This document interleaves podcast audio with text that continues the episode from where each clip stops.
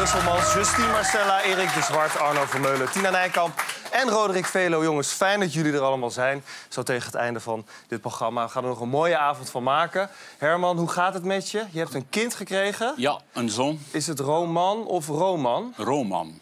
En hoe, gaat, hoe gaan de Wel, nachten? iedereen zegt het over zijn eigen kind, maar het is een fantastisch eh, mannetje. Ja, we hebben ook nog een mooie foto van hem.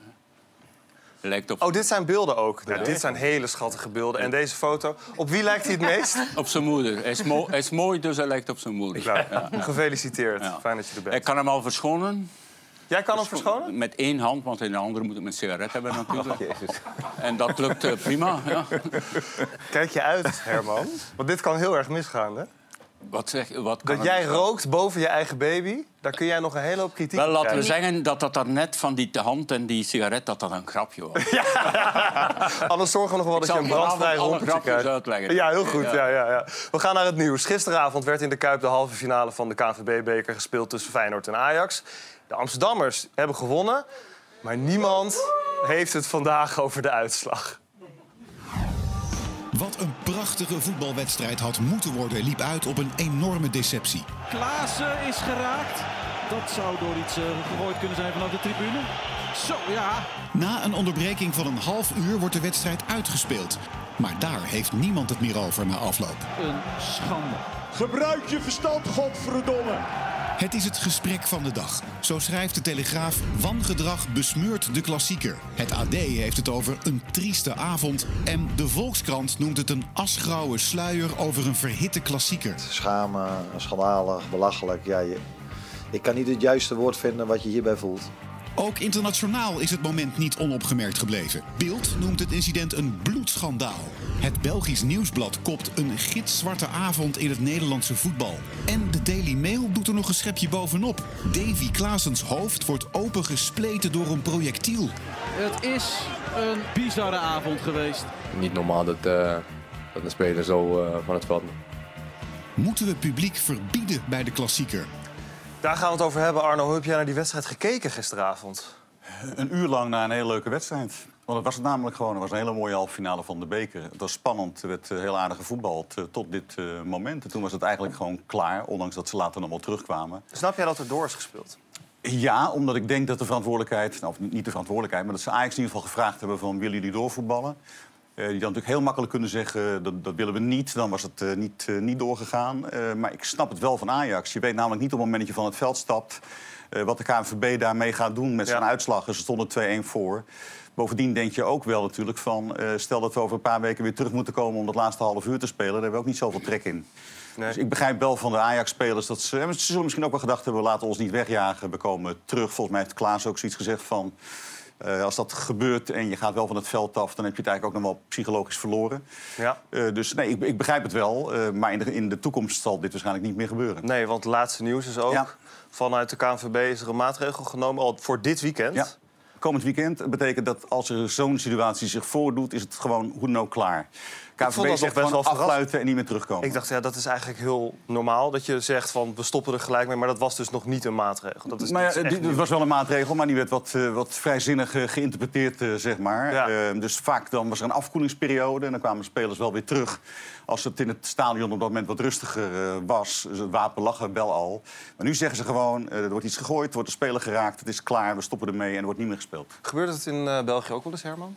Maar altijd, zo misgaat? het- altijd, als je tien supporters hebt, zijn er negen oké en één is niet oké. Maar ik moet wel zeggen, ik heb eh, toch wel een zekere bewondering voor de man die gegooid heeft. Want het was wel heel goed gemikt. En net op, een- op een hoofd waar je meer bloed genereert natuurlijk een kalk op. Dus ik eh, moet zeggen... Ik zal, Zal ik er maar bij zeggen dat je nu weer een grap Een maakt? grapje, ja. Oké, duidelijk. Eh, Arno, het bizarre is nog wel dat door... Ja, het was dus een, een worp met misschien heel veel geluk of heel veel pech. Maar net hoe, hoe, je, hoe je het bekijkt. Maar het heeft ook de wedstrijd beïnvloed uiteindelijk. Want Klaassen moest ook het veld af. Ja, het waren trouwens veel meer aanstekers. Hè, want deze was dan raak, maar er lagen er eh, een handvol. Eh, nee, hij heeft geprobeerd om wel verder te spelen. En na een aantal minuten voelde hij zich toch niet eh, lekker. En is hij van het veld gestapt eh, en werd hij, werd hij gewisseld. Dat heeft zeker invloed gehad trouwens. Dat heeft heel veel invloed gehad op Feyenoord. Want je zag echt dat die eh, minder goed gingen voetballen in het laatste half uur. Waar Feyenoord over het algemeen juist natuurlijk toeslaat dit seizoen en, en wedstrijden eruit sleept. Ja. Omdat hij bijna, denk ik, ook iets gênants bijna voelde om alsnog te winnen. Er ging wel een bal tegen de paal trouwens, het scheelde niet heel veel. Dus, eh, Je ja, denkt echt dat ze, dat ze zich geneerden voor wat er daar ik, ik gebeurde denk in dat je wel dubbel in. Nou, je Ja. staat wel dubbel in dat veld. En, en ik weet zeker dat het invloed heeft gehad. Dus die, die ongelofelijke sufferts die dat doen, die duperen hun eigen club natuurlijk enorm. Want nu spelen ze geen bekerfinale. En ze hadden echt wel een goede kans toch om 2-2 te maken, 3-2 te maken. En dat is nu eh, verleden tijd. Dus ja, Veel besproken was ook eh, de reactie van John de Wolf die eh, ja, het publiek toesprak. Supporters, tussen aanhalingstekens. Daar aan die kant. Aan die kant. Gebruik je verstand, godverdomme. Zorg dat er niks meer op het veld komt. Gebruik je verstand. Roderick, jij bent van Ajax. Ja. Wat vond je van deze eh, toespraak? Nou, Werkt ik- dit? Nou, weet ik niet. Volgens mij, want nu verschuilt, eh, verschuilen beide clubs zich eigenlijk achter de KNVB... en zitten we iedereen te wachten op de KNVB.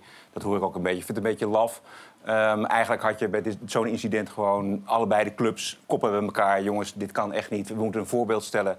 Eh, we stoppen ermee. En Ja. dan maar eh, de rest van het stadion die daar de dupe van is. Maar dat hebben ze neem ik aan toch wel gedaan. Ze hebben de koppen wel bij elkaar Ja, gestoken. tuurlijk. De, directies waren beneden, de KNVB was vertegenwoordigd. En als je wel stopt, staakt, dan moet je ook nog de eh, driehoek erbij halen. Dus de burgemeester en veiligheidscoördinatoren. Politie, omdat je niet zomaar een stekker uit de wedstrijd kan trekken. Dan weet je helemaal niet wat er gebeurt. Ondanks dat er geen Ajax-supporters Ja, waren. maar wat moet er gebeuren vo- vo- voordat er zoiets wel, voordat je wel zegt, gewoon ad hoc, we gaan deze wedstrijd staken? Nou, dat is dus, dat is dus van- vandaag door de KNVB bekendgemaakt. Bij een volgende situatie zoals deze, dan is in ieder geval heel duidelijk dat ze niet verder spelen. Ja, er kwam ook wel best wel veel kritiek op Heitinga, op zijn reactie na afloop. Ehm, laten we even kijken naar hoe Slot het deed bij de persconferentie. Nou, als er mensen zijn die er niet was zitten, dan zal er ook iets goed mis zijn. En het is al verschrikkelijk als je dat ergens anders ziet gebeuren. Laat staan bij de club waar je zelf eh, hoofdtrainer bent. Schaam je je ervoor? Ja, maar ja, je kan er elk woord op plakken. En eh, je vindt waarschijnlijk niet het woord eh, wat de lading volledig dekt. Schamen, schandalig, belachelijk. Ja, je, ik kan niet het juiste woord vinden wat je hierbij voelt. Deel jij de kritiek die op Heitinga ook kwam? Die ging gelijk de wedstrijd analyseren die, ook, Klopt, hè? die, die focust op die, op die wedstrijd en die wilde hier niet zoveel over zeggen. Eh, ja, hij is nieuw, eh, een beginnende trainer, zeg maar. Ach, had beter gekund. Ik vond vooral eh, dat Slot het wel echt heel goed deed. Want over het algemeen trainers, maar ook bestuursleden bij Feyenoord... die passen toch wel op om hun eigen eh, harde kern eigenlijk op hun nummer te zetten. En hij doet dat onomwonden. En, en hij, hij, hij, kan ook duiken, eh, zeggen, ja, ik ben de trainer... en ik wil het er niet over hebben of er gaan anderen over. Dat doet hij helemaal niet. Ik bedoel, het is gewoon een toptrainer, maar hij manifesteert zich hier echt ook wel als een kanje door gewoon eh, dit te zeggen wat hij eh, in zijn hoofd heeft. Ik vind het echt eh, Nog best brave uitstekend. woorden hoor, wat hij zegt. Ja, maar Je had wel iets steviger verwacht. Ja, ook van John de Wolf. Want dat, ik, ik ben ook Ajaxiet, maar ik, John de Wolf heeft bij mij echt een, een apart plekje. Dus toen hij het veld opliep, dacht ik, yes. Weet je, als iemand ze aan kan spreken... Ja, dan kan je wel een vloek gebruiken, maar voor de rest vond ik het vrij... nou, hij zei zogenaamde supporters volgens mij. Ja. Ja, maar Zo zogenaamde, het, het, het, het zogenaamde, het zijn gewoon hufters. Dit is gewoon echt dit is huftergedrag. En dat moeten we niet pikken in Nederland. Want als we dat pikken op het voetbalveld... pikken we dat ook op straat, pikken we het in het openbaar vervoer. Huftergedrag, dat maar moeten we niet pikken. dat is juist natuurlijk het probleem. Want eh, dit is echt heel erg wat er gebeurt in het voetbal. Maar het Ja. is natuurlijk ook een maatschappelijk probleem. Want Ja. precies wat je hier ziet, zie je ook wel in die bussen en op die andere En dit plaatsen. Laat die beelden ook nog maar even zien van het vuurwerk. Aan het begin van de wedstrijd ook. Dat was ook bizar. Wat is nu de oplossing? Hoe krijg je het mee? Hoe krijg je het mee? Ja, gewoon in je broek. Vraag, ja. Ja, ze mogen wel fouilleren, maar niet in, eh, in Ze je, niet, in je kruis. niet iedereen ook. En hè? ook niet iedereen. Dus dit, eh, dit, ja, dit was echt helemaal bizar. Maar je ziet bij elke wedstrijd bijna hè, dat enorme vuurwerk eh, in de hele eredivisie. En ja, dat, dat, dat wordt bijna afgedwongen door, door die supporters. Hè. Die, dat noemen ze Piro tegenwoordig. Dat zijn hele afdelingen van die, van die fans die erover onderhandelen. Dat natuurlijk niets met elkaar te maken heeft. Ze onderhandelen dan met de club, dat ze iets ja, kunnen- iets dat ze wat kunnen doen kunnen doen. qua sfeer, ook ja. te- veel te veel macht krijgen zo die harde, die harde kernen van die, eh, van die supporters. Er wordt altijd gekeken oppassen. naar Engeland, dat ze daar heel Ah, goed geregeld hebben. dat is ook zo. Stadion verboden, met wat, Twee weken geleden... geen alcohol in het, in het Ja. stadion. Is dat iets wat, wat, wat werkt? Nou, twee weken geleden wordt er een eh, keeper van, eh, van Arsenal door een fan van de Spurs aangevallen. Maar het gaat daar wel beter dan bij ons. Eh, je mag daar geen alcohol drinken in het stadion, wel erbuiten. Ehm, dus ook niet op de plek in het stadion heb je een beker met bier in je handen. Ja, dat kun je verbieden. Dat is een vrij makkelijke regel om te, om te zeggen... je mag sowieso in het stadion geen water of bier hebben. Dan kan je er ook niet mee gooien. Scheelt wat geld, maar dat valt allemaal wel mee. Ze zijn wel bang in de voetbalwereld dat ze weer wat anders bedenken. Ze zeggen eigenlijk zijn die supporters ons steeds een stap voor met wat zij dan weer eh, bedenken. Met het gooien door netten heen.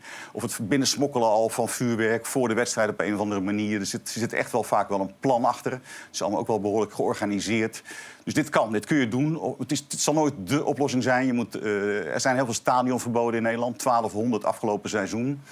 Maar die mensen hoeven zich niet te melden in Nederland bij, uh, bij politie. En die gaan ook gewoon weer de fout in. Dus bij. PSV was het weer een jongen met een stadionverbod... die uiteindelijk dan een keeper van Sevilla aanvalt. Dus, eh, Maar zijn we dan niet gewoon ontzettend slap in Nederland met dat soort... eh, dat mensen ook niet de consequenties voelen daarvan? Eh, eh, Dit is toch... Dat, ja, voetbalvandalisme is zo oud als de weg naar Rome. En, en blijkbaar zijn de consequenties nog steeds niet ernstig genoeg voor mensen... dat ze maar en terug kunnen komen in het stadion en kunnen blijven gooien. Dit is toch een schande. We hebben ook een reactie van de minister, van minister Jesselgus die hierop reageert. Ik vind het echt verschrikkelijk. Ik, eh, ik weet niet wat je in je hoofd haalt om überhaupt dingen naar mensen te gooien. Laat staan bij een voetbalwedstrijd, wat gewoon leuk moet zijn, waar mensen voor, voor plezier naartoe gaan. Dat je geweld gaat gebruiken. Eh, we zagen bij andere wedstrijden spreekkoren of dat mensen het veld oprennen. Eh, Daar ben je gewoon niet goed bij je hoofd. Ik wil ook heel graag weten, wat is hier gebeurd? Had deze persoon misschien een stadionverbod? Had hij een meldplicht? Want we hebben alle, alle instrumentarium is er. Ja, eh, dat, dat zijn natuurlijk altijd wel stoere woorden op zo'n moment. Maar dan moet zij ervoor zorgen dat die mensen met een stadionverbod verbod zich wel moeten melden. Eh, er zijn wel technische methodes. Eh, ze zijn bezig met een experiment dat ze een app moeten downloaden. En als ze dan in de buurt van een stadion zijn... dat de politie dan een seintje krijgt van eh, dat je in overtreding bent. Maar nee, laat je Maar- telefoon thuis. Nou, dat kan, dat kan niet, want ze moeten de app weer ontgrendelen. Maar zo stom zijn ze ook weer niet dat ze dat niet beter organiseren. Maar dan denk ik wel weer, we dan wel politie inzetten... om bij elk stadion te kijken wie daar rondloopt met een stadionverbod. Maar dat is wel de essentie. Als je een stadionverbod geeft, maar iemand kan toch uiteindelijk wel een stadion binnenkomen... dan helpt het niet heel erg. Herman, heb jij de oplossing? Wel, er is, er is helemaal geen oplossing. Wat die minister zegt, dat, is, dat zijn gewoon open deuren die je intrapt. Van, het is allemaal heel erg en dit en dat. En je kan van alles verzinnen, apps enzovoort. Maar altijd in een bende van 30, 40.000 mensen... zullen er een paar mensen zitten die dingen doen. Dat blijft gebeuren. Ja, de- En de vraag waar we mee begonnen. Moeten we dan publiek, misschien ook thuispubliek, verbieden? ja nee, dat kan je niet doen. Dan, dan gaat het hele voetbal kapot. 70% van het geld wat er in het betaald voetbal rondgaat, komt uit recettes. Als je dat verbiedt, dan is het betaald voetbal klaar. Ja. Benieuwd hoe het dit weekend eh, gaat lopen. Dankjewel eh, voor je uitleg, Arno. Zoals iedere week was er ook deze week nieuws rondom André Hazes. Vanmiddag ging zijn nieuwe single dan eindelijk in première. En hierover was hij te gast bij Radio 538. André Ja, man. Ik heb je al lang niet gezien. Nee, dat is wel echt zo. Het is echt lang geleden. Hoe is het? Nee, het gaat heel goed. En ik, ik vind het echt om hier te zitten alsof ik nooit ben weg geweest, weet je wel? Maar gewoon om jou daar weer te zien zitten met dat rode lampje aan, Ja. de microfoon is aan en we kunnen weer kletsen En met je elkaar. straalt echt. Ja, nee, ja eerlijk is Valt me echt op. Ja, dankjewel. Ja, ik voel me echt, ik ben echt blij met gewoon het leven, zeg maar. Dus ja. Ik zei het wel gekscherend, elke week in het nieuws. Tina, kun jij het duiden, het fenomeen Hazes? Nou ja, het, het is natuurlijk begonnen met zijn vader, die natuurlijk eh, ja, echt een volksheld was in Nederland. En de begrafenis van hem werd toen eigenlijk ook eh, ja, door 5 miljoen mensen al eh, bekeken. En daardoor zijn we eigenlijk zijn moeder Rachel van de jonge André en André en Roxanne. Dat, dat voelt een beetje als familie. Dus Ken jij alles- ze ook eigenlijk? nou, ik heb, hij heeft ooit meegedaan, André junior, aan kinderen dansen op het ijs. Dat is zeg maar sterrendansen op het ijs, maar dan van kinderen van bekende Nederlanders. Ja. En toen was hij elf, dus daar, ik ken hem eigenlijk dus al eh, dat hij elf was. En eh, ja, het is toch het gevoel, en ik denk dat heel Nederland dat heeft... weet je, met die familie, dat het een soort kennis, een soort familie ook van jou is een beetje. Of de buren, weet je wel. Het zijn Je wil mensen weten die hoe het je- met ze gaat. Ja, we zijn echt, eh, we hebben hem ook zien opgroeien. Roderick ook. Ja, zeker. Ja, dus, dus eh, ik denk dat er daarom alles van... En er gebeurt natuurlijk altijd wat. Dus elke dag zijn ze in het nieuws. En dan is er weer wat met die moeder en ze hebben ruzie. En het is gewoon, het is een soort ja, soap geworden bijna. Herman, groot fan? Ik vind het een familie van halve zool. En mocht, mocht die, die, die vrouw en die, en die kinderen niet, niet gelieerd zijn met de grote André Hazes, dan was dat helemaal niks. Nee. Eh, duidelijk. E- Eerder deze week kwam André al met een preview van zijn nieuwe single... waarmee eh, ja, er ontstond ook wel weer wat ophef over. Het zou namelijk heel erg lijken op het nummer van Fire van Kevin DeGraw. Laten we eventjes kijken, die twee ook naast elkaar. Want ik krijg geen adem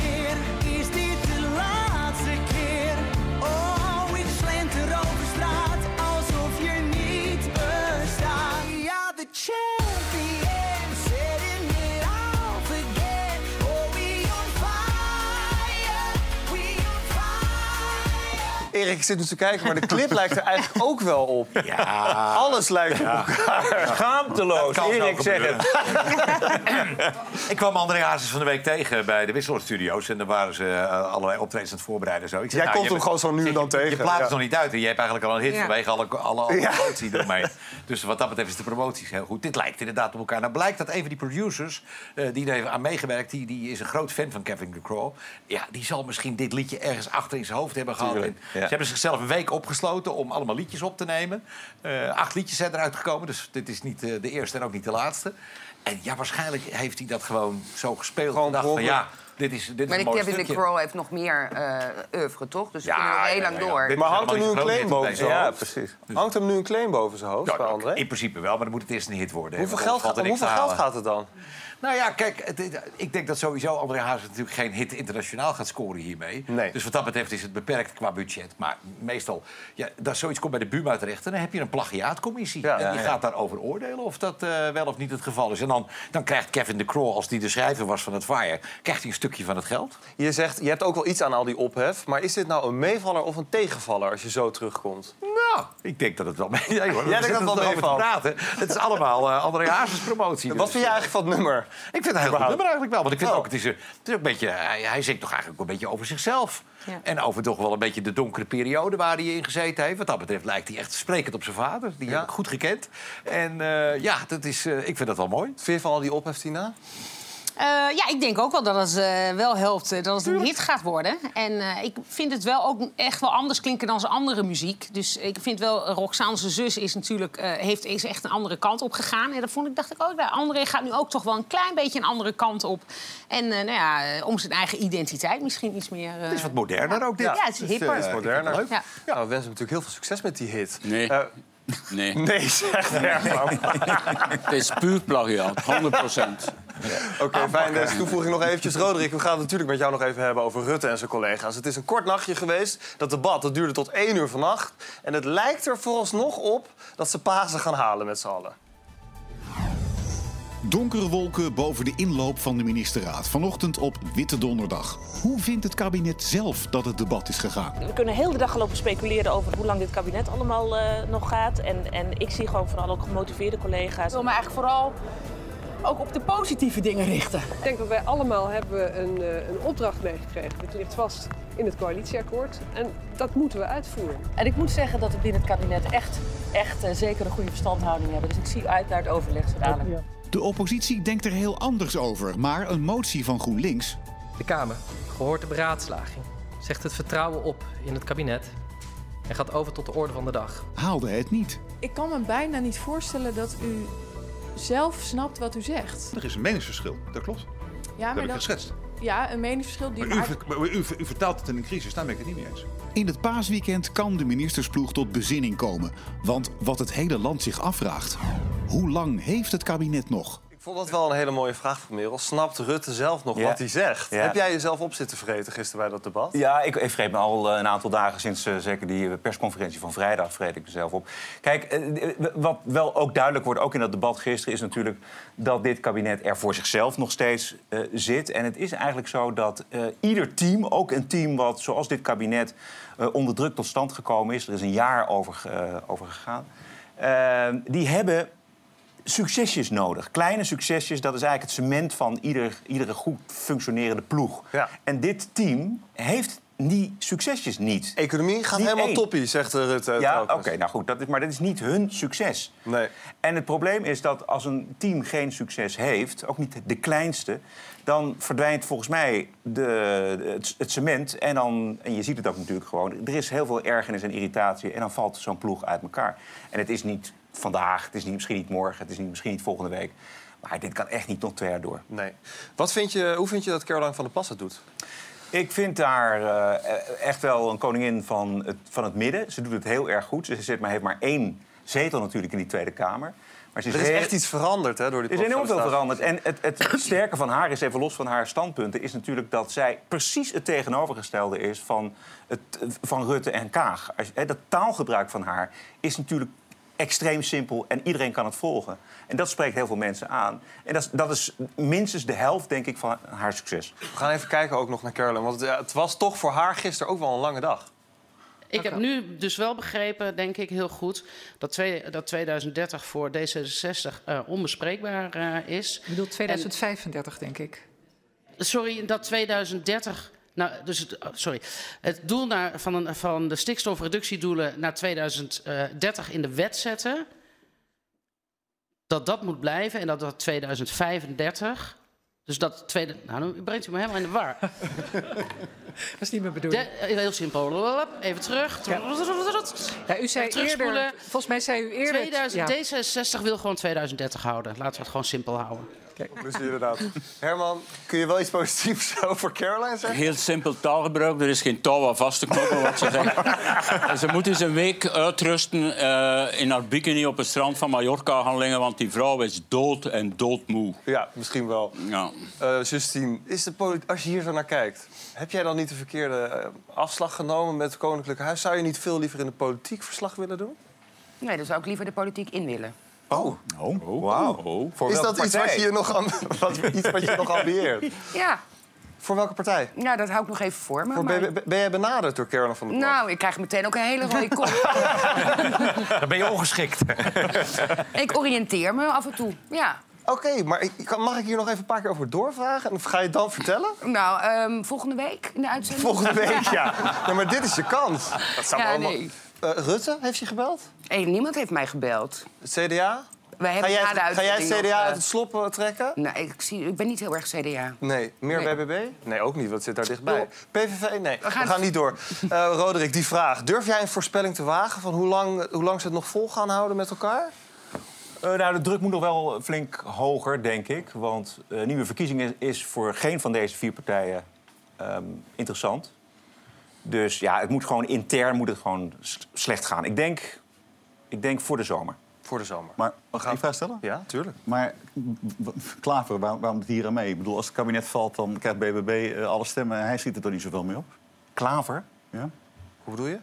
Ja, maar die moet ook wat voor zijn achterban doen. Een roze wolk. Ja, maar ik bedoel, het enige wat je bereikt is natuurlijk dat BBB straks ontzettend veel eh, zetels haalt als je nu de boel opblaast. Dus ik bedoel, er moet er ook wel een plan achter zitten. Ja, Waarom ro- hij die eh, motie van wantrouwen? Bijvoorbeeld, Ja. In principe werk je mee aan het opblazen van een kabinet waar je zelf niet van profiteert, maar wel BBB. Ja, dat moet je aan hem vragen. Dat, Maar bij ja, de denk- Provinciale Staten hebben zij ook... Ik bedoel, de BBB was natuurlijk de grootste winst. Maar eh, GroenLinks en Partij van de Arbeid hebben het ook niet heel slecht gedaan. Nou, en niks gewonnen. Zij gaan niet helemaal één, onderuit. hij niet. Samen, ik denk dat zij het misschien wel zouden zien zitten. Een rondje verkiezingen. Herman, heb jij tijdens deze uitzending al een out-of-body experience gehad? Eh, twee. Twee. Goed om te weten. Onze koning heeft het ook wel eens meegemaakt. Dat vertelt hij namelijk in de podcast Door de ogen van de koning. En de, alle, de eerste drie afleveringen die staan sinds vanochtend online. Het is op 30 april alweer 10 jaar geleden. Het moment waarop Willem-Alexander de troon besteeg. Hoera! Hoera! Hoera! Reden genoeg voor Edwin Evers en onze koning om die 10 jaar eens flink onder de loep te nemen. Dit doen ze in de podcast Door de ogen van de koning. Waar in elke aflevering een jaar van het koningschap centraal staat. Ik had dus een beetje een soort van out-of-body experience. Als ik boven mezelf wat zweven was. Oh, wat ben jij in hemelsnaam aan het doen? Ook de pijnlijke momenten passeren de revue. Het had niks te maken met het feit of ik in Griekenland was of niet. Het was dat andere mensen in Nederland niks meer konden doen. En ik ging vrolijk naar het buitenland. En dat was fout van mij. Hun imago heeft flink te lijden gehad na het slecht getimede uitstapje naar hun Griekse vakantievilla. En nog altijd is de waardering voor onze koning niet wat het ooit was. Of het volk dan ook op deze podcast zit te wachten. Maakt de koning deze podcast in eigen belang of in landsbelang? Ja, Justine, neem ons even mee naar vanochtend. Om zeven uur gingen ze online. Heb jij je wekker gezet? Hoe zat je erbij? Kopje koffie? Hier keek je natuurlijk heel erg naar Kopje uit. koffie ehm, eh, in bed. Kopje In bed? Koffie, maar eh, zodra het online stond, ben je gaan Ik luisteren? ben gaan luisteren, ja. En wat was je eerste indruk? Nou ja, ik, die trailer hadden we natuurlijk al gezien. Eigenlijk hoor je een beetje de koning eh, zoals hij ook was in dat interview aan de vooravond toen hij 50 werd. Relaxed, ontspannen. Ehm, ik vind ook, er is natuurlijk wel kritiek al nu al op die podcast. We moeten het denk ik ook niet zien als een diepte-interview, maar als een gesprek. Het zijn wel tien afleveringen. Ja, ieder jaar één, hè? Eh, Ja. ja, eh, we moeten nog even wachten op mijn Maar jij zegt, we hebben hem eerder wel eens ontspannen gezien. Maar ik heb, ik, heb, ik heb niet het idee dat ik hem zo ontspannen ooit iets heb, heb zien vertellen. Ja, ik wel. Wel? Ja, ik wel. Maar jij zit er beter in. Nou ja, ik, ik denk, kijk, de koning is niet zo heel erg sterk als er camera's bij zijn. Dan, Nee. eh, dan bevriest hij toch op een of andere manier. maar hier zitten ook camera's bij. Ja, alleen niet Dan alles staat vastgelegd. online. Nee, niet alles niet is staat vastgelegd. online. Het is Nee, ook... maar dat, met zo'n podcast ook. En ik vind juist het mooie. Nee, de rest niet. De rest is niet met video. naar hem, hij zegt geen één keer eur bijvoorbeeld. Dus dat betekent dat hij zijn woorden heel goed kiest. En dat hij ook wel overwogen relaxed. respect. Hij is gewoon relaxed. En ik denk dat dat ook komt door Edwin Evers, die hem gewoon ook het gevoel geeft van... nou, ik kan hier een soort... eh, als- als- alsof ik aan de bar zit. Jij, ken- jij jij kent. Edwin natuurlijk ook goed. Ja. Denk jij dat dat de onderscheidende rol is? Ja, van en Edwin is natuurlijk echt wel een eh, soort van eh, grote gemene deler eigenlijk, eh, zou je kunnen zeggen. Zeker op de radio. En wist altijd mooi het midden te houden eigenlijk tussen alle meningen. Eh, Hij had vaak mensen in zijn uitzending zitten, zijn eigen mensen... die eh, er nogal abstracte ideeën op nahielden. En dat maakte hij dan weer een beetje goed. En Ik hij deed dat- natuurlijk als geen ander eh, die geweldige eh, parodie op Prins Bernhard. Ja. Ik ben ook Ja. heel Ik benieuwd. ben benieuwd of die langskomt, Nee, ik denk het wel. Ik denk, ik denk ook dat de koning dat kan waarderen. Want we hebben nu ook in die podcast voor het eerst de koning gehoord over Lucky TV bijvoorbeeld. Nou ja, maar Ja, dat heb ik gehoord. Hij- Maar ik vond het niet heel overtuigend klinken. Hij hoor. Hij zegt, ja, ik vind het leuk. Ik vind het... Nee, hij hij er praat er wel een beetje overheen. Hoe heb jij ernaar geluisterd, Tina? Ja, ik vond het wel eh, een beetje afgemeten allemaal. Ik vond het een Ja? beetje ingestudeerd. En, eh, nou het ja, is ook begon- in, in- het een opdracht van de Rijksvoorlichtingsdienst Ja. gemaakt, hè? Nou ja, goed, ik vond het verder ook... Het was wel een prettig gesprek of zo. Maar het was allemaal... Ja, er kwamen niet echt nieuwe dingen aan bod. En ik vond het dan toch jammer dat hij zei... Ik wil het niet te persoonlijk eh, houden. Ja, dat had. Dat ook. Hij had dat interview al een keer gegeven toen hij 50 werd. Was het meer een, hij wil maar- nu wil en nu als koning vier- vertellen wat Precies. hij... En eh, kijk, en dit Ja. jaar vieren we, of vieren we, hij, eh, in Rotterdam, eh, tien jaar koningschap. Ja. In 2013, dat is de aanleiding voor die podcast. En dat interview... Toch hoop je op persoonlijke Nee, maar details. ook Ik- wel, nou, vind ik vond dus, dat vond ik dus tegenvallen. Ik, vond dus, ik snap wel dat hij niet alleen maar over die prinsessen wil praten... en over Maxima en over zijn huwelijk. Dat snap ik. Maar ik vond de manier waarop hij de anekdotes vertelde... dacht ik, nou ja, ik had er gewoon ietsjes, Ja. eh, Ik ietsjes had dat ook wel een beetje. Maar Ja. We gaan nog even naar wat fragmentjes kijken. Want Justine, je hebt voor ons nog een fragment uit 2006, 2013 meegenomen. Het moment waarop Willem-Alexander werd gekroond. En ik moet er even bij zeggen, we In zagen net dus... eh, in, wat, zei, wat zei je? Gekroond, dat doen we in Engeland. Oh, Hier. sorry. Goed dat je me even... eh, ja, de les. Sorry. leest. Eh, maar ik wil er nog even bij zeggen, we zagen net wel wat beelden. Ze hebben dus maar een beperkt aantal beelden verspreid. Dus we hebben het even net iets anders gedaan... dat je wel een foto en, de- en het geluid hoort en ondertitelt. Maar het is dus net iets anders dan wat we net zagen. Maar dat is dit fragment uit 2013. Ik weet het op één moment heel goed herinneren. Toen stond daar. Wilhelmus werd gezongen in de Nieuwe Kerk. En ik had dus een beetje een soort van out-of-body experience. Als ik boven mezelf wat zweven was. Oh. Wat ben jij in hemelsnaam aan het doen? Wie denk je wel niet dat je bent? Oh. Zo, ik zag mezelf daar staan beneden. En, eh, en eigenlijk vond ik het wel mooi. Want het eigenlijk gewoon... Dat, ja, dat vraag ik mezelf elke dag. Wat- Wie denk je wel dat je bent dat je dit mag doen? En? Wat is het antwoord? En dan, dan moet je toch iedere keer voor jezelf weer beantwoorden. Elke dag weer. Waarom het, ja, dat je zoiets prachtigs mag doen. Koning zijn van dit mooie land. Maar er kwam geen antwoord. Nee, nou, het ging mij een beetje die out-of-body experience. Eh, ik Ja. heb het zelf nog nooit gehad, dus ik heb geen idee hoe dat voelt. Ehm, ehm, Ja, je kan toch wel eens naar jezelf kijken. En dit is het moment natuurlijk Maar voor hem. Ik vind het hartstikke leuk dat op, hij op dat zo'n moment. Maar wat ik vooral heel tekenend vond, en dat had ik niet eerder achter hem gezocht. De Oranjes zijn heel spiritueel over Ja? het algemeen. Eh, generaties lang. Hè. Ik noem even Geet Hofmans affaire. eh, nou, heel veel bijgeloof. eh, sp- nou, echt wel spiritueel. En dat had ik bij de koning niet zo 1, 2, 3 eh erachter gezien. En wat ik interessant vond, na dit fragment vertelde hij ook... dat er echt wel wat veranderde. Namelijk, hij is nogal van het polderen. Hè? Van als hij een ideetje had, gooit hij dat de ruimte in... en iedereen kan daarop schieten. En nu werd het ineens uitgevoerd En in één keer, hij was de baas. En dat verbaasde hem. Hij gooide nog steeds een ideetje. En, ik denk, Ja. en dat is eigenlijk wel ook wat we hebben gezien de afgelopen tien jaar. Dat gaat dus wel eens mis. Want hij wil eigenlijk overleggen, terwijl ja, hij is nu de majesteit. Dus iedereen zegt ja, en eh, gaan we doen. Ja, dat was wel echt even en hij heeft hem. eigenlijk toch wel wat meer tegengas nodig, Ja. denk ik. Eh, het is toch uiteindelijk ook gewoon één grote PR-stunt, dit? Ja. Eh, als je kijkt naar de cijfers, 2014, één jaar na de kroning, eh, was, vond 96,1% Willem-Alexander een goede koning. Dat is in 2022 een magere 47% Ja. Het vertrouwen. Nou, kijk, als je met zulke startcijfers begint, kun je eigenlijk alleen nog maar naar beneden. Dat is zo. Het is Ja. dramatisch gesteld, vind ik ook echt. Ik vind eh, dit ook echt een slimme actie. Eh, het is in eigen beheer. Het is een keer niet op de publieke omroep wat we gewend zijn. Zou je het niet leuk vinden als hij een keer gewoon goed kritisch ondervraagd wordt? Ja, maar dat, zou doet- ik leuk vinden. Maar dat ja. gebeurt alleen niet. Nou, w- mm, niet in, in een diepte-interview. Nee. Nee. dat klopt. Aan de andere kant eh, we gaan we toch nog weer even terug naar Engeland. Koningin Elizabeth heeft nog nooit een interview gegeven. Oké. Hij hoeft het niet te doen. Roderick, hoe heb jij ernaar geluisterd? Vind je het, vind je het slim van hem dat hij zo'n podcast maakt? Ja, ik vind het vooral leuk om naar te luisteren, omdat het, eh, dit is natuurlijk de, wel de, de droomgast voor een podcast. Maar ik zelf ook eh podcasten, maar zo'n gast is natuurlijk eh, is fantastisch. Eh, wat ik wel jammer vind, is dat, er- dat er toch weer radio van wordt gemaakt. Eh, dat moet Erik aanspreken, want Ja. er zitten al, al weer itempjes zitten Ja, erin. rubriekjes. En dat is een onderbreking van het Dan ga je niet Nou, dat is ook een beetje Ja. om het te duiden. Hè? Dus Nee, Nee, dus maar er, stom, er er zit niemand op te wachten. ni- niemand weet meer wat er in podcast. 2013 allemaal gebeurde. Dus ik, dat vind ik, Oké, maar dat, aan het begin kun je dat doen, maar je hoeft niet steeds met nieuwe items. Nee, het is dat vooral die vraag van een Dat vind ik kind. jammer. Ja, dat gaan- ging zijn dus jullie ouderwets? Wacht even. Dus, Modern ik, juist. ik ging dus kijken wie dat nou geproduceerd had. En dat blijkt dus geproduceerd door Scha- Sander Schimmelpenninck Ja, en. Jaap Reesema, de zanger. En het zoontje Zo- van Jaap en Kim Kutter, die eh, Muk, stelt dus... die Muk, stelt ook een stelt vraag. Die vraag. Ja. Hij- we gaan ook nog even kijken naar eh, 2014. Dat was het jaar van MH17. Daar blikt hij ook op terug. Uiteindelijk werd natuurlijk langzamerhand duidelijk eh, wat daar aan de hand was, wat er gebeurt. Wat is dan op zo'n moment uw rol als koning? Nou, in eerste instantie kan je niet heel veel doen. Je kan alleen maar eh, kijken vanaf welk moment je ondersteunend kan zijn. En het eerste grote moment was natuurlijk eh, maandag in Nieuwegein. eh waar alle betrokkenen bijeenkwamen. Waar de eerste briefings gegeven werden ook. Vanuit het kabinet, vanuit NCTV, vanuit andere mensen. En dat was ontzettend emotioneel. Heel rauw ook. Die, die emoties die daardoor die zaal vlogen, was, die zal ik nooit vergeten. Dit was misschien wel het mooiste van die drie afleveringen. Ehm, ja, nou, ik vind sowieso de MH17 en de rol die het koningspaar daarbij gespeeld heeft... vind ik eh, een van, voor mij een hoogtepunt van de afgelopen tien jaar. Ehm, dat contact met die nabestaanden dat is er nog steeds tot op de dag van vandaag.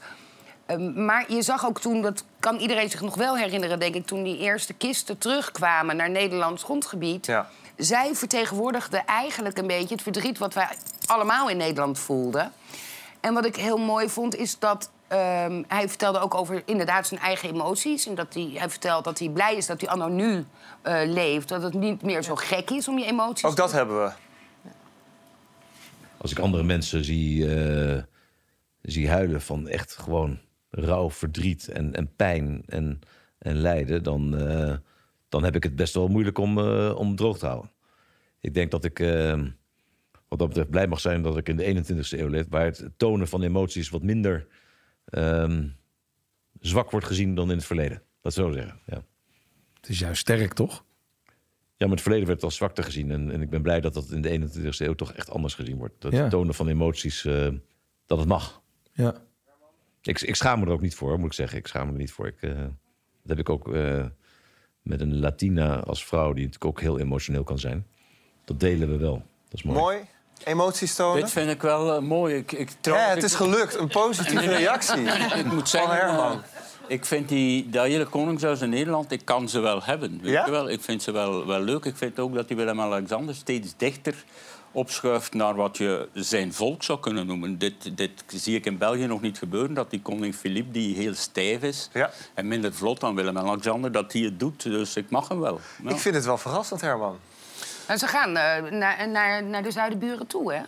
Ja, Ze komen naar België goed. Ze hebben op ook, de- staatsbezoek. ze hebben ook dezelfde kapper, hè? Maxima en, eh, en Mathilde. En Ja. Dezelfde uh, ontwerper couturier. Ja, Ja. Herman, Dat ik zie in je borstzak zitten dat jij al een sigaret klaar hebt liggen voor de reclame. Ja. Straks, je vindt het heerlijk of je krijgt er enorm de kriebels van. De passion. Maar we gaan voorbeschouwen met Tina Nijkamp. En er is ook nieuws over het Britse Koninklijk Huis. Met natuurlijk Harry en Meghan in de hoofdrol. Tot zo.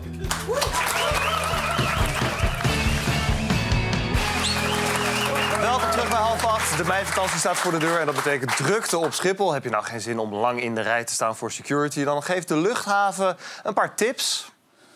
Vlieg je van Schiphol?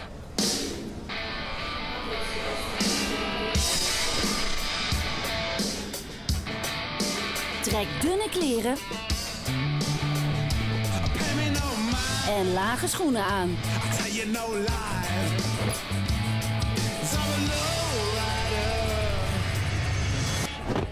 Get ready for security. Goed filmpje, Erik. Ja, ja, ja, ja, maar je kan ook premium nemen. Hè? Dat heb ik al gelukkig sinds Oh, 2004. En dat dan- Jij staat nooit meer in de rij. Ja, nee, dan, dan kom je voor. En hoe duur is dat dan? Maar ik vind het wel een goed filmpje. 200 euro per Oh, dat- jaar, ik weet niet, geloof nee, ik. dat is 100 euro of zo, dat valt best mee. Dus dat, dus, Daar is nu een wachtlijst voor ook overigens. hoor. Ja, Ja, zo, gewoon- Tina, natuurlijk niet zo jij, jij vindt security altijd wel een beetje eng eigenlijk. Ja, vind ik, ik heb daar een trauma eh, voor, van opgelopen. Echt een trauma? Ja, nou, traumaatje hoor, laat het niet overdrijven. Maar ik ben, eh, ooit moest ik voor mijn werk... eh, toen ik nog werkte bij de Vijf Uur Show, moest ik naar Amerika vliegen. En eh, dat was voor 9-11, moet ik zeggen. En eh, toen hadden ze vergeten een werkvisum te regelen. Toen zeiden ze, ah, dan zeg je maar gewoon dat je op vakantie gaat. Maar ik ging maar echt voor twee dagen of zo. Dus ik kwam daar bij die eh, poort aan. Ik was nog nooit in Amerika geweest ook. En ik kwam daar, ja, waar kom je voor? Ik zei, ja, ik ga op vakantie. Maar ja, ik kan gewoon niet liegen, weet je. Want mijn gezicht spreekt boekdelen. Heel verdacht. Dus toen zei- kreeg ik zo'n kaartje en toen moest ik in een rij gaan staan. Toen heb ik echt twee uur moeten uitleggen. nou ja, toen heb ik meteen natuurlijk gezegd, nee, ik ben niet voor werk en zo. Maar sindsdien eh, ja, eh, heb ik gewoon een soort traumaatje voor security. Denk ik, ik doe niks verkeerd. Het is daar ook wel iets spannender dan Ja, hier. Heb, heb jij een oplossing, Herman? Eh, om wat? Om sneller door het Ja. te geraken. Thuis blijven, ik vlieg niet. Ik, ik weet niet waar al die mensen heen gaan. Ik weet het echt niet. Er staan er met duizenden mensen en die gaan overal heen. En ik blijf gewoon thuis. Goed, eh, ook, ook een mooi idee. En dan nog eh, kort, kort ander royalty-nieuws van vandaag. De lijst van royals die tijdens de kroning van Charles... op het balkon van Buckingham Palace verschijnen is bekend. En één ding valt op. Harry en Meghan staan niet op de lijst. Verrassing, Justine? Nee. Nee, het, Charles die wil echt een wat, wat ingekrompener eh, eh, monarchie hebben. En, en ja, het paleis is echt voor de working royals. Ja, Eh, dus Kate en William staan er wel met hun kinderen ook. Zij niet, ja, dat is een beetje de consequentie van hun actie. Maar de vraag is natuurlijk, komen ze? Dat Komen weten we nog niet. De Ja. uitnodiging Maar wat is denk er. jij? Ik denk dat ze komen. Ja. Eh, ik las gisteren dat er nu weer gedoe is over... eh, draagt Kate een diadeem, ja of nee? Want eh Meghan kan officieel daar niet meer over beschikken. Maar ik, hoorde, ik las ook weer dat eh, de kledingvoorschrift niet lang is... en dus diademen maar een middagjapon, wat ik heel jammer zou vinden.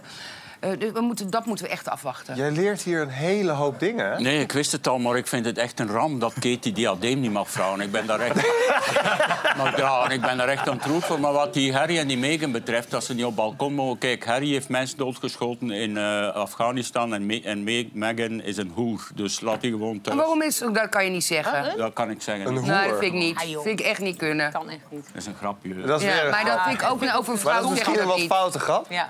Een ik vind het geen fout. Nee, ik vind het echt. Ehm, ik wil nog iets anders laten zien. Want de laatste keer dat Harry en Meghan op het balkon van Buckingham Palace sto- stonden was in 2019. En het valt mensen dus op dat ze in de la- laatste jaren steeds verder achteraan eh, werden neergezet op het balkon.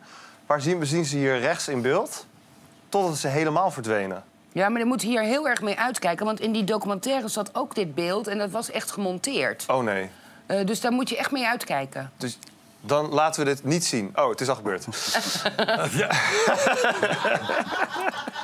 Arno, wat gebeurde er ook alweer op Witte Donderdag? Als jij me dat nou eens uitlegt. Niemand weet het precies, maar inmiddels is het wel een traditie op Witte Donderdag. Het verhaal over het lijden, sterven en de wederopstanding van Jezus. Het is tijd voor The Passion. De man die mij gaat uitleveren is dichtbij. Het is vandaag Witte Donderdag en dat betekent The Passion. Het jaarlijks terugkerende spektakel over de laatste dagen van Jezus Christus. De dertiende editie speelt zich dit jaar af in de haven van Harlingen.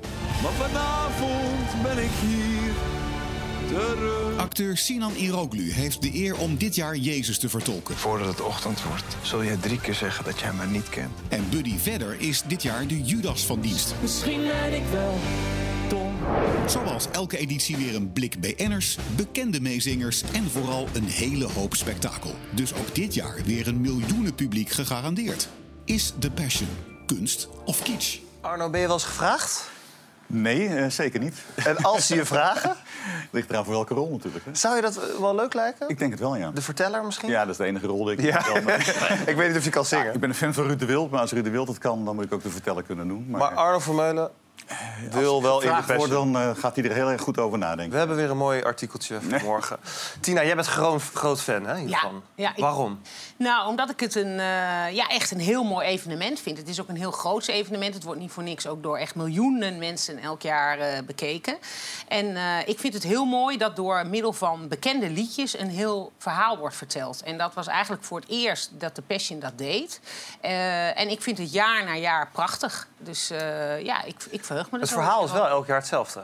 Ja, het verhaal is elk jaar hetzelfde. En dat was natuurlijk ook een, een probleem. Hè. Maar Dat toch was... werkt het. Hoe kan dat? Ja, het werkt omdat ze elk jaar andere muziek doen. En eh, ja, andere klassieke Nederlandse eh, ja, nummers... die opeens, als je dat in het verhaal van Jezus ziet...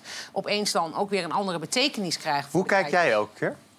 Ik kijk altijd eh, met mijn zoon samen. En sinds 2018, toen was hij zes. En sindsdien is hij ook helemaal eh, fan van de Passion. En is dat een jaarlijkse traditie eh, geworden bij ons.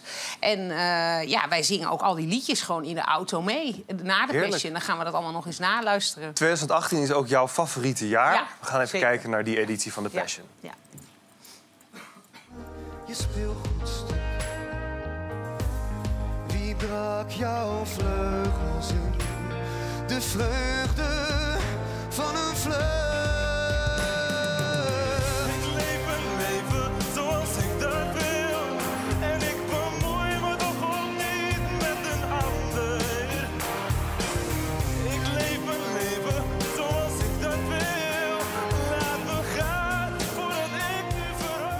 Je zoon doet hem... Wat zei ja, wij, wij zitten dat gewoon in de auto en dan doen we al die... eh Doe- doe je- ja, doe, doe, je daar, net als Jan dat doet. echt En, eh, ja, we zijn gewoon heel erg fan. En eh, ja, dit is toch ook gewoon een prachtig nummer. Ik vind het gewoon heel... eh, Ik, ik heb ja. wel het gevoel bij de Passion... eh, ik, wil niet, ik ga het helemaal niet afkraken, Nee. zeker niet. Maar het- ik heb het gevoel dat mensen het of heel erg leuk vinden...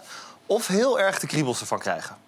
Ja, dat zal best, maar ja, dat, Roderick? dat is met heel veel programma's zo. Ja, dat is nou ja, om de vraag te beantwoorden, kunst of kitsch. Voor, voor mij is het kitsch. Het is wel een hele mooie kitsch. En ik vind het, eh, de- vooral het spektakel vind ik geweldig. Ik ben zelf meer van de klassieke versie. Dus ik ben van de Matthäus. Ik heb twee weken geleden de Nederlandse versie van de Matthäus... ge- de, vertaald door Jan Rot, eh, beluisterd. Daar, daar krijg ik wel kippenvel van. Ja. En dit, dit is... Ja, ik, ik heb ontzag voor de manier waarop dat eh, allemaal georganiseerd is. Maar ik vind het niet... eh, ik zit niet in de auto mee te zingen, nee. Justine, jij zat er vorig jaar in. Ja.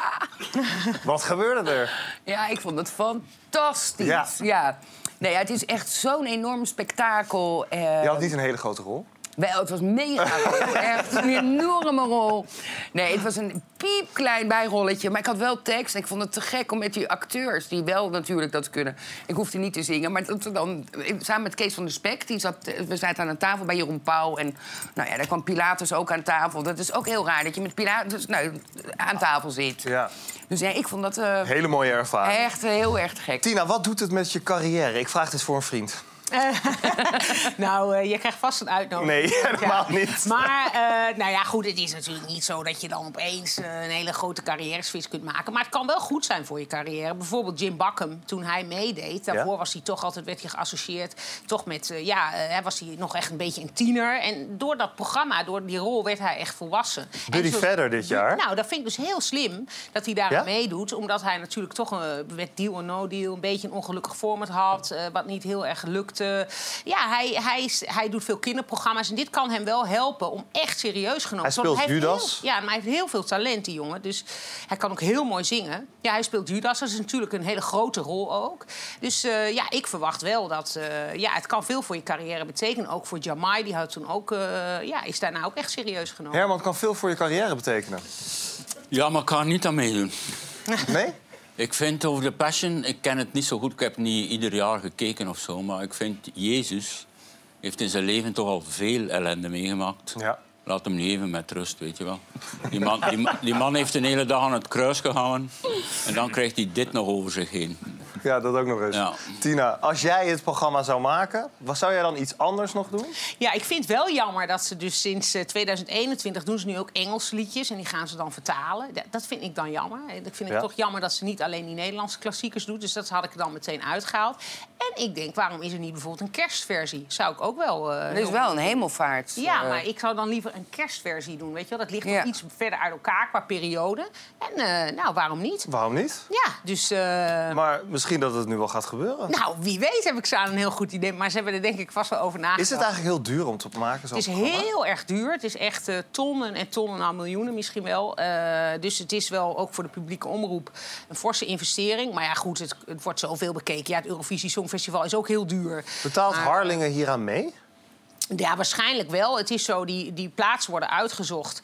Eh, hè, ze zo- zoeken wel elke keer een andere plaats uit. Dus dat het niet elke keer in Noord-Holland of Zuid-Holland is. Dus er pro- proberen Ja. ze wel diversiteit te, te, te vinden daarin. Maar waarschijnlijk wel dat ze daar een soort promotiebudget... eh, ja, ik kan niet in de begroting kijken, maar Nee. dat, dat zou... eh, Erik, Dat lijkt me wel. Het is toch Ja. een beetje zoals Koningsdag. Ja. Eh, Erik, wat zeg jij? Kunst of kitsch?